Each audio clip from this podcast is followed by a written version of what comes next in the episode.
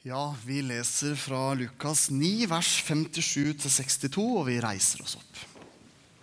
Mens de gikk der på veien, var det en som sa til ham, 'Jeg vil følge deg hvor enn du går.'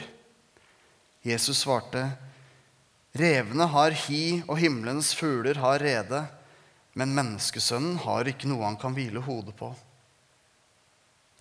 Han sa til en annen, 'Følg meg.'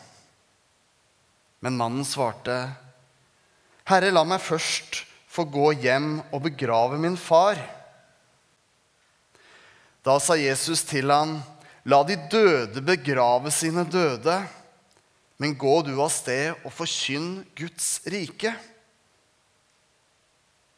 Det var også en annen som sa, 'Jeg vil følge deg, Herre, men la meg først få si farvel til dem der hjemme.' Men Jesus svarte, 'Ingen som har lagt hånden på plogen og så ser seg tilbake, er skikket for Guds rike.' Kjære far. Takk for at du er vår far, at vi får tilhøre deg. Så ser du den teksten her. Så ber jeg om at du må tale til oss i dag. ber vi om i Jesu navn. Amen. Her er det jammen mye rart. Er det ikke det? Det er et revehi, det er en sjanglete plogmann. Det er døde som skal begrave de døde. Og det er en Er det en avvisende Jesus?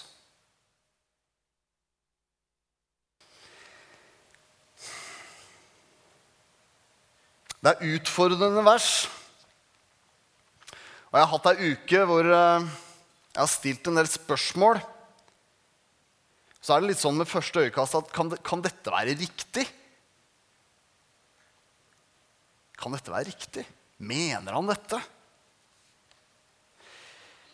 Så det denne talen kanskje blir, er en måte å kanskje prøve å åpne opp denne teksten litt. Fargelegge litt.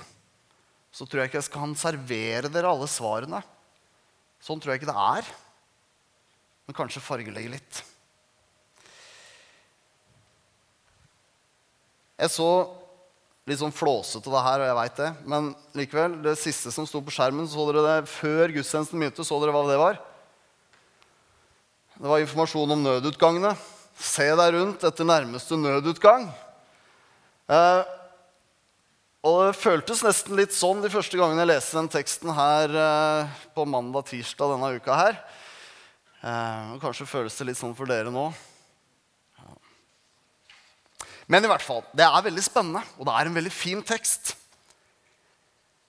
Og så er det, hvis man leser liksom kapittel 9 Dette er jo, de, dette er jo seine vers i kapittelet. Eh, så skjer det en del andre ting. Kanskje det som er dagene før, eller kanskje det til og med er ukene før. Eh, hvor disiplene er liksom bare helt på bærtur. Altså, jeg vet ikke om jeg har noen bedre måte å beskrive det på. Altså Først så ja, Det er noe kanskje fair enough, men i hvert fall så først så er det en mann som kommer til Jesus og sier at uh, disiplene ikke klarte å helbrede denne gutten som er besatt av demoner. Greit nok, det fikk de ikke til. Så kanskje ikke bærtur, men i hvert fall de fikk ikke til det. Eh, og så forstår de ikke, eller kanskje ikke hører etter i det hele tatt, når Jesus forutsier sin egen død. Det virker i hvert fall ikke som de liksom ja, henger med. Jesus sier, 'Hør nøye etter', og det virker ikke som de gjør det. Og deretter så går de over Nå begynner vi å komme på bærtur. For deretter så begynner de å krangle om hvem som er størst. Hvem som er størst av dem. Og så forsøker de å føre dom over en del andre folk. Først er det en eller annen mann som driver ut onde ånder i Jesu navn, som de har prøvd å stoppe. Og så er det sånn at de ikke får overnatting i en samaritansk landsby. Og da foreslår de av alle ting at det skal regne flammer over denne landsbyen. De er på bærtur. Og Jesus med 2000 år imellom her, da, men likevel kan virke litt oppgitt. Han taler strengt til dem, for menneskesønnen er ikke kommet for å ødelegge menneskeliv, men for å frelse. Og så kommer de versene som vi har i dag. Og Jesus responderer sånn sett på alle disse merkelige, rare tingene som skjer i forkant. Dager eller uker, kanskje med det som han sier i disse versene, tenker jeg. Og han utfordrer oss konkret på i hvert fall tre ting.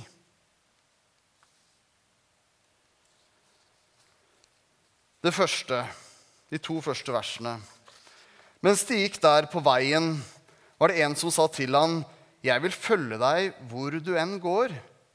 Og Jesus svarte, 'Revene har hi, og himmelens fugler har rede.'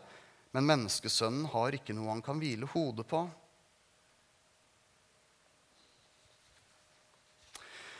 Vi mennesker, vi jobber mesteparten av livet våre for å oppnå nye nivåer av komfort. Og så kan det variere litt hva det betyr for deg, og hva det betyr for meg, og hva det betyr for noen som kanskje bor i et annet land eller har en annen bakgrunn. Men jeg tror at det er ganske sant. Det å få på plass et hjem, det å få på plass en jobb, det å få på plass noen eiendeler som jeg bryr meg om, som er viktige for meg, det at pensjonen er på plass, det at jeg kan dra på ferie komfortabelt jeg har registrert at jeg i løpet av 20 år har tatt en reise fra tostjerners funker skikkelig bra til nei, det må vel være firestjerners hotell på tur.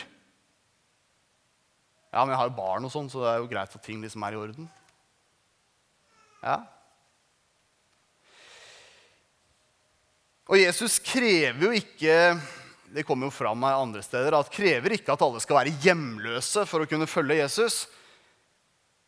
Men han setter likevel det som et eksempel.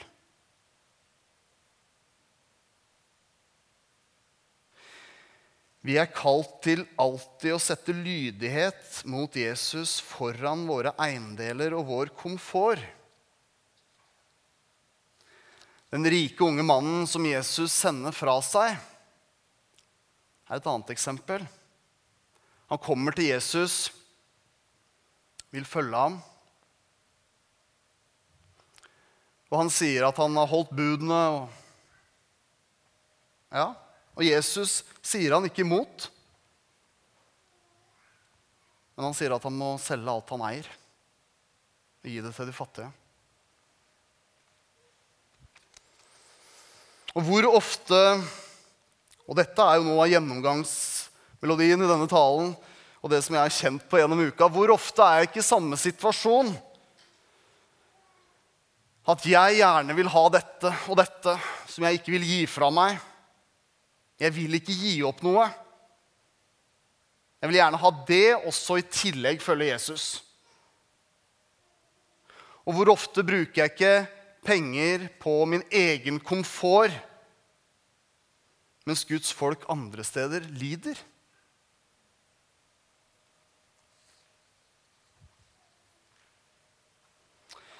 Den andre tingen han utfordrer oss på, kan vi trekke videre i de to neste versa. Jesus sa til en annen, 'Følg meg.' Men mannen svarte, 'Herre, la meg først få gå hjem og begrave min far.'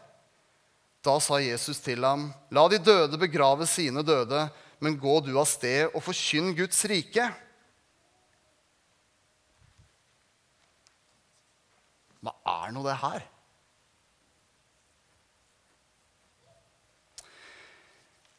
I forberedelsene her så leste jeg det at det er umulig å vite helt sikkert, men at det å si at man skulle begrave sin far i denne sammenhengen, i denne konteksten, var en måte å si på at La meg vente til jeg har mottatt min arv. La meg vente til jeg har mottatt min arv. Altså at det ikke nødvendigvis var en far som var død, men at det var et begrep for at på det tidspunktet da skal jeg motta min arv.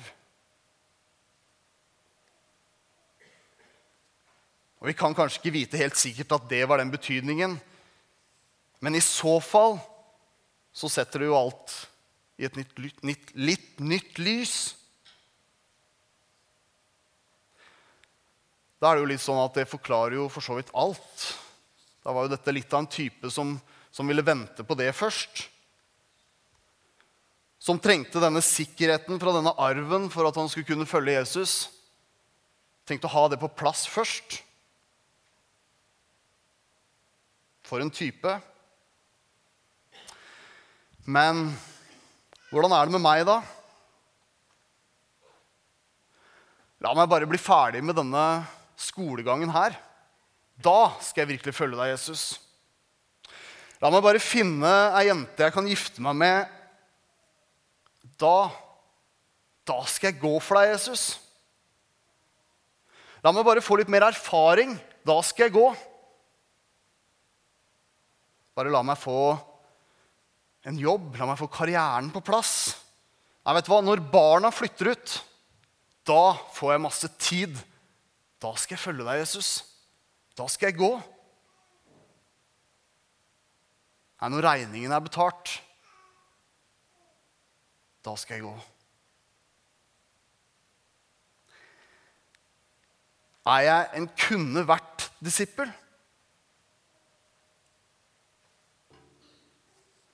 Jesus svarer, 'La de døde begrave de døde'.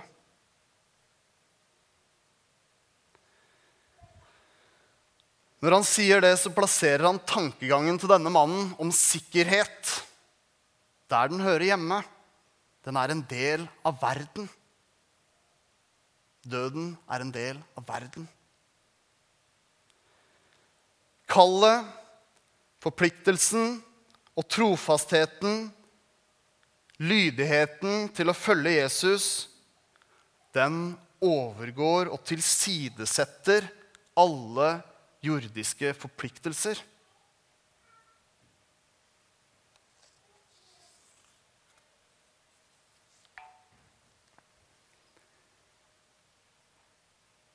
Og Jesus utfordrer på én ting til. Og vi kan bruke de to siste versene der. Han utfordrer oss på behovet for menneskelige relasjoner. Den er ganske tøff, altså. Det var også en som sa, 'Jeg vil følge deg, Herre, men la meg først få si farvel til dem der hjemme.' Men Jesus svarte, 'Ingen som har lagt hånden på plogen og så ser seg tilbake, er skikket for Guds rike.' Altså Nå har vi akkurat rydda av veien den her eh, de døde, La de døde begrave de døde, og at han ikke skal begrave faren sin. Og så kommer vi til denne.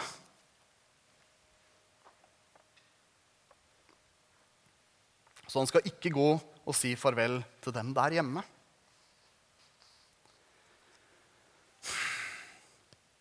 Kanskje Jesus skulle tatt et kurs i hvordan man bør oppføre seg. Kanskje Maria og Josef har bomma på barneoppdragelsen. Jesus ser hjertet til denne mannen,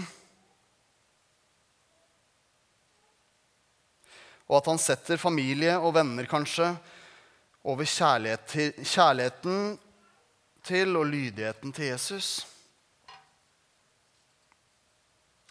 Første delen av det dobbelte kjærlighetsbudet du skal elske Herren din Gud av hele ditt hjerte, av hele din sjel, av hele ditt sinn og av all din kraft.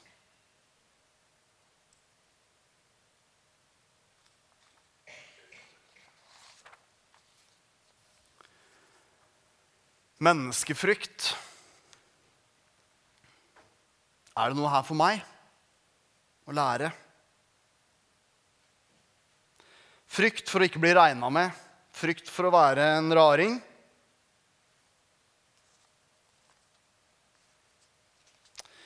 På Ekeberg, der jeg bor, så er det nok mange som veit at jeg er kristen. Og noen veit også at jeg er pastor. Av, jeg har jo fire barn. Det er mange foreldre å møte. De går på fotball. Det er mange å møte. Jeg spiller fotball sjøl. Eh, det vet de. Og så kan jo jeg prøve å være kul nok til at jeg eh, likevel er kul nok. Kompensere på et eller annet vis. Må jeg det? Hva gjør jeg for å veie opp, for å likevel bli regna med?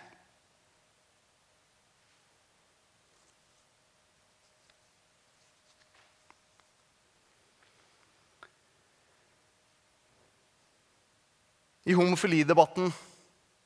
Hvor mye er det en debatt om teologi, det som står i Bibelen, opp mot erfaringen og erfaringens vekt? Og hvor mye er det rett og slett et resultat av hvor ubehagelig det er? I møte med andre mennesker å stå på det som Bibelen forteller oss. Menneskefrykt, behov for å ivareta menneskelige relasjoner. Jeg syns at Jesus bruker sterke ord og et sterkt bilde. Ingen som har lagt hånden på plogen og ser seg tilbake.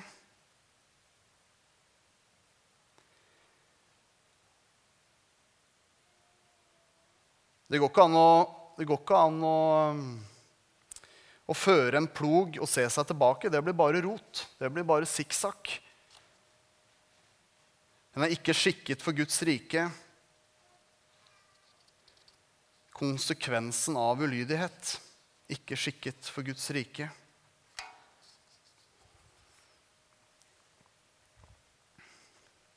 Jeg syns det er en tøff tekst. Det har vært en tøff og en fin uke å forberede denne talen. Den har vært fin òg.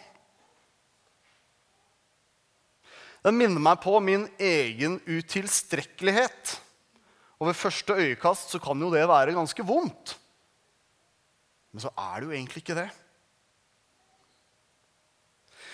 Og så er det en del av dere som vet at jeg tidligere har stått her frimodig og snakka om sendekultur, og hvordan vi ønsker å være en menighet en kultur for å sende mennesker.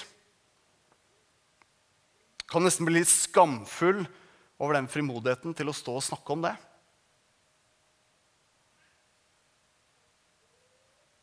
Har ikke jeg egentlig nok med meg sjøl? Jesus krever alt.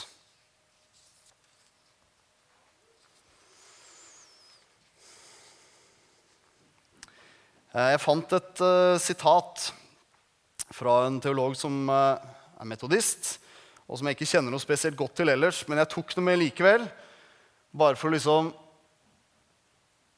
Fordi det traff meg i magen. Following Jesus is demanding. One of the first things it will demand of is that you lay aside all your possessions that you commit all your resources to Him. Have you done that? If not, perhaps you aren't following Him. Det treffer jo i magen, det. Litt sånn!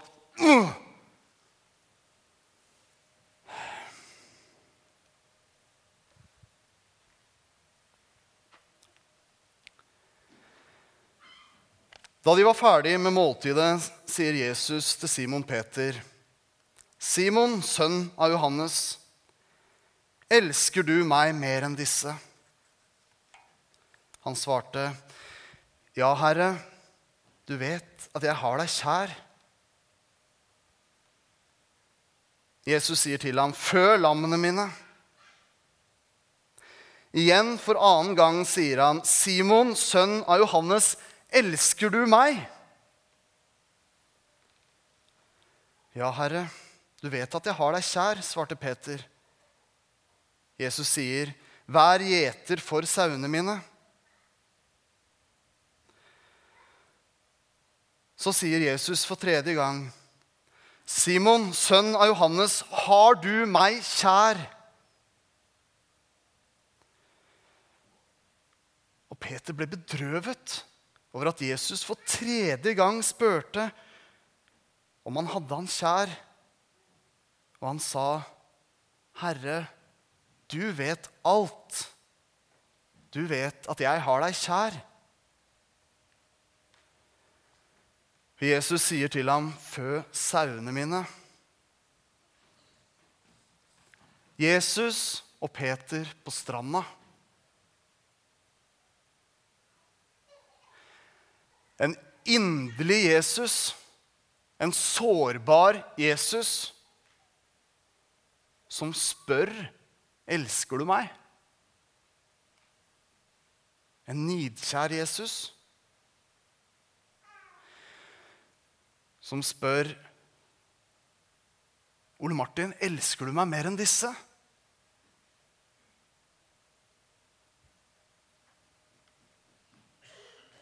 Peter svarer så godt han kan, han. Og jeg svarer så godt jeg kan, jeg også. Ja, du vet at jeg har deg kjær. Du vet at jeg har deg kjær. Før Peter på en måte overgir seg. Herre, du vet alt. Du vet at jeg har deg kjær. Han blir fortvila og blir spurt tre ganger. Men så overgir han seg. Det er en smerte og en sorg i at han blir spurt tre ganger. Men svaret er 'Herre, du vet alt'. Det er et svar som du gir når du vet at livet ditt bare ikke helt tatt matcher med det som du svarer. Det gjorde det ikke for Peter. Når du bare overgir deg fordi det ikke er noe annet å gjøre.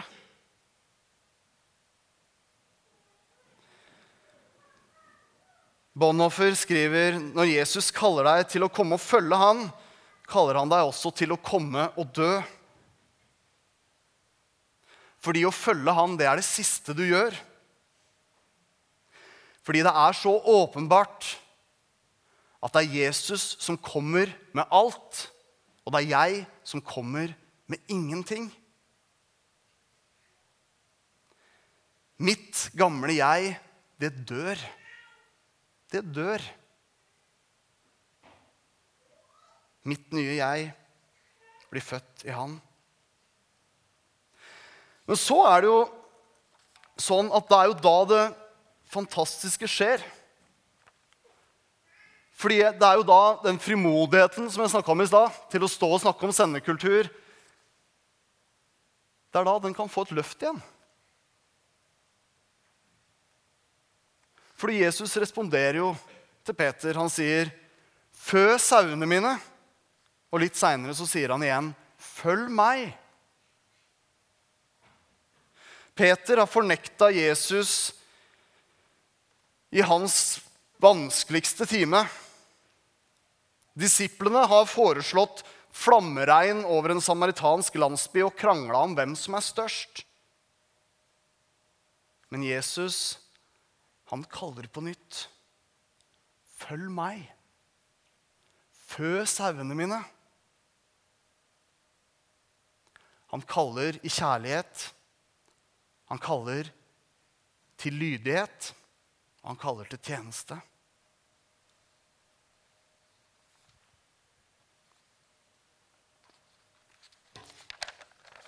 Vi ber.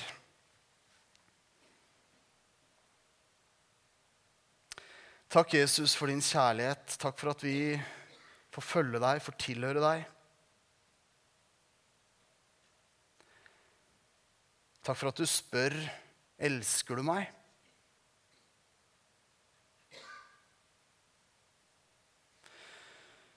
Og far ber om at uh, du skal fortsette å kalle på oss.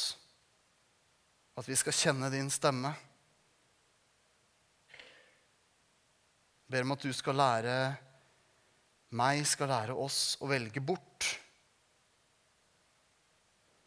Lære meg lydighet. Lære oss trofasthet.